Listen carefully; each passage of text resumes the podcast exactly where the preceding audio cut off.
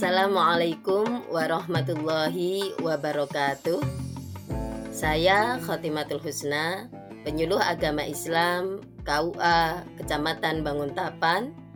Saya juga anggota Dewan Pengasuh Pesantren Bumi Cendekia Yogyakarta, juga anggota Jaringan Kongres Ulama Perempuan Indonesia.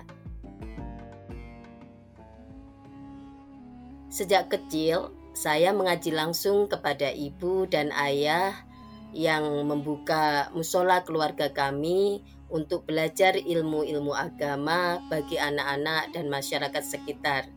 Yang alhamdulillah musola tersebut kini berkembang menjadi lembaga pendidikan dan pesantren.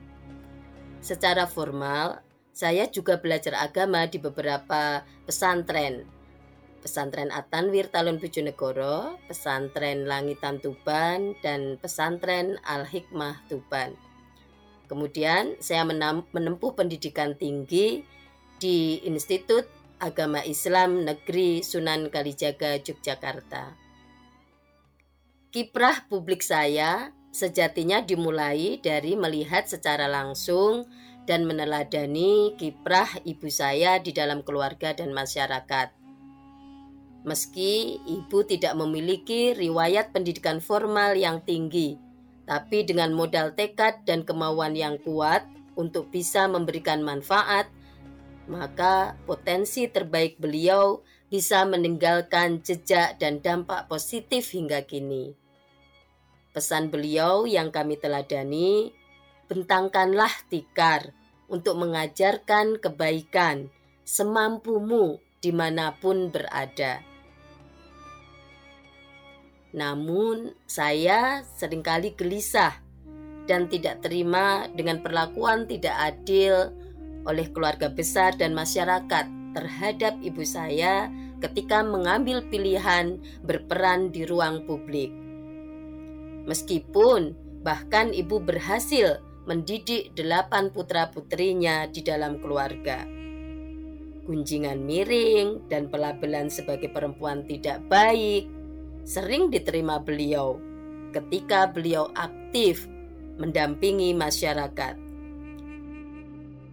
Hal serupa juga saya alami ketika menjadi ketua pimpinan wilayah Fatayat Nahdlatul Ulama Daerah Istimewa Yogyakarta. Sehingga saya pun perlu menjelaskan kepada jamaah dan masyarakat sekitar apa sesungguhnya yang saya lakukan ketika terjun di masyarakat. Perlakuan tidak adil ini tentu tidak diterima oleh laki-laki yang beraktivitas di ruang publik. Persinggungan dengan nalar kritis terhadap budaya dan teks-teks agama saya dapatkan di dunia pergerakan atau aktivisme dan forum-forum diskusi dan kajian di Yogyakarta. Era 90-an di Yogyakarta marak digelar forum dan lembaga belajar bersama dengan fokus isu gender dan Islam. Buku-buku karya Zaitunah Subahan, Mansur Fakih, Master F. Masudi, Nasaruddin Umar, Husain Muhammad, Fatimah Menrisi, beberapa buku yang saya baca saat itu. Lalu muncul berbagai pertanyaan dalam benak saya mengapa perempuan harus diperlakukan tidak adil dan dilabeli negatif ketika berkiprah di ruang publik. Meskipun secara sosial kontribusinya sangat besar. Mengapa juga untuk mendapatkan pengakuan dan otoritas perempuan harus bekerja lebih keras dibandingkan laki-laki? Sikap masyarakat yang resisten terhadap peran publik perempuan dibentuk dari pemahaman yang bias terhadap teks agama, seperti pemahaman terhadap Quran Surat Al-Ahzab ayat 33 yang berbunyi, Wa buyutikunna wa la tabarrajna tabarrujal jahiliyatil ula wa atina zakata wa ati'na Allah wa rasulah. Innama yuridullahu liyudhiba ankum rijsa ahlal baiti wa yutahhirakum tathira. Artinya, dan hendaklah kamu tetap di rumahmu, dan janganlah kamu berhias dan bertingkah laku seperti orang-orang jahiliyah dahulu. Dan laksanakan sholat, tunaikan zakat, dan taatilah Allah dan Rasulnya. Sesungguhnya Allah bermaksud hendak menghilangkan dosa dari kamu, wahai ahlul bait, dan membersihkan kamu sebersih-bersihnya. Benarkah Islam menghendaki perempuan hanya di rumah dengan peran domestik saja dan melarangnya untuk peran publik karena menimbulkan fitnah? Sedangkan kita tahu kiprah perempuan dari ahlul bait dan sahabat Nabi yang aktif di ranah publik dan berkontribusi besar dalam perjuangan Islam. Sebut saja Siti Khadijah, Aisyah, Asma binti Abu Bakar, Rubayyi binti Muawid yang menyediakan logistik saat perang. Nusaibah binti Ka'ab dan Ummu Sulaim ikut perang membela negara saat itu.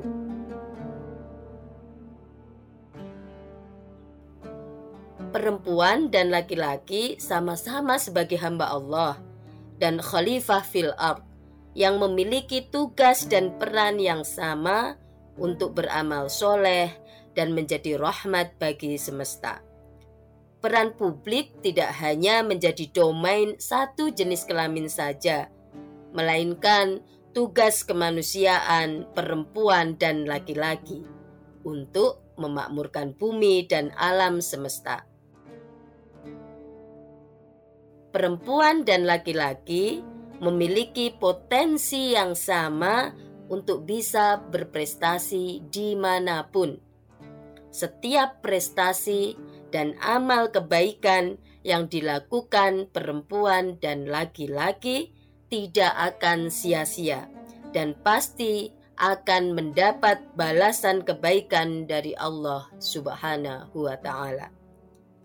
Hal ini sebagaimana Quran Surat An-Nisa ayat 124.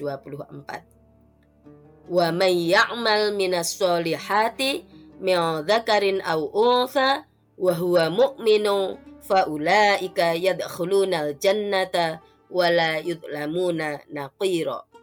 Artinya, dan barang siapa mengerjakan amal kebajikan, baik laki-laki maupun perempuan, sedang dia beriman, maka mereka itu akan masuk ke dalam surga dan mereka tidak didolimi sedikit pun. Dalam mengerjakan kebaikan, perempuan dan laki-laki justru dianjurkan saling bekerja sama untuk mewujudkan kemaslahatan bagi semua, yakni saling menjadi penolong dalam kebaikan dan mencegah kemungkaran, baik di ruang domestik maupun publik. Ditegaskan dalam Quran Surat At-Taubah ayat 71, Wal mu'minuna wal mu'minatu ba'duhum awliya'u ba'din ya'muruna bil ma'rufi wa yanhauna 'anil munkari wa yuqimuna as-salata wa yu'tuna az-zakata wa yuti'una Allah wa rasulah ulaika sayarhamuhumullah. Innallaha azizun hakim. Artinya dan orang-orang yang beriman laki-laki dan perempuan sebagian mereka menjadi penolong bagi sebagian yang lain mereka menyuruh berbuat yang ma'ruf dan mencegah dari yang mungkar melaksanakan sholat, menunaikan zakat, dan taat kepada Allah dan Rasulnya.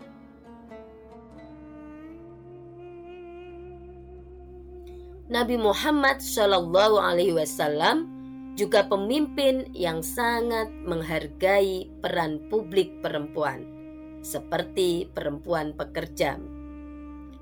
Istri Abdullah ibnu Mas'ud pernah bertanya kepada Rasulullah Shallallahu Alaihi Wasallam, "Wahai Rasul, saya perempuan pekerja dan saya jual hasil pekerjaan saya. Saya lakukan ini karena suami dan anak saya tidak memiliki harta. Ia juga bertanya kepada Rasulullah tentang nafkah yang ia berikan kepada suami dan anaknya.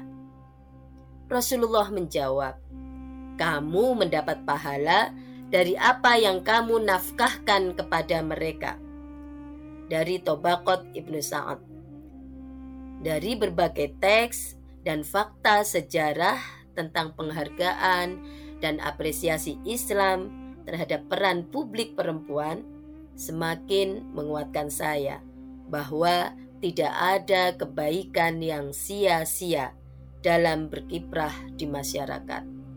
Sebaik-baik manusia, perempuan maupun laki-laki adalah yang mengerahkan potensi atau versi diri terbaiknya untuk menjadi anugerah dan mewujudkan kemaslahatan seluas-luasnya.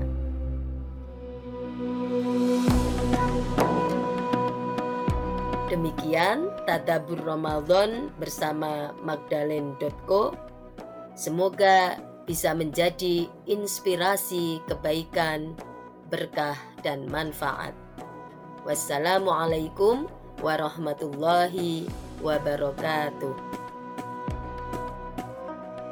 Tadabur Ramadan bersama Jaringan Kongres Ulama Perempuan Indonesia adalah produksi Magdalene didukung oleh Kementerian Komunikasi dan Informatika Republik Indonesia.